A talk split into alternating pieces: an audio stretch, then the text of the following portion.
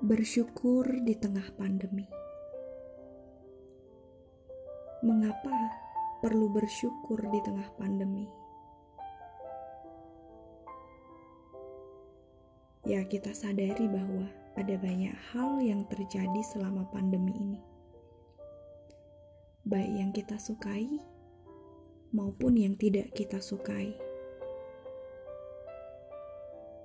Mungkin gak semua hal yang terjadi bisa kita pahami, bisa dimengerti, dan siap untuk kita lewati. Tapi,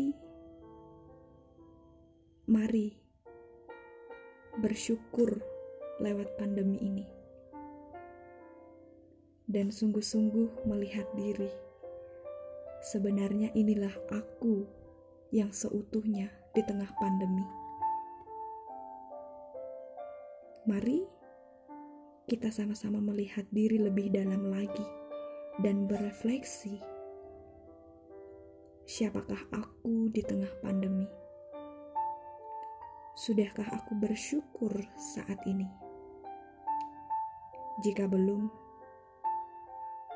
mari belajar mulai saat ini hingga nanti.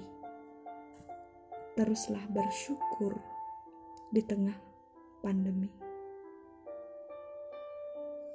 Tuhan memberkati.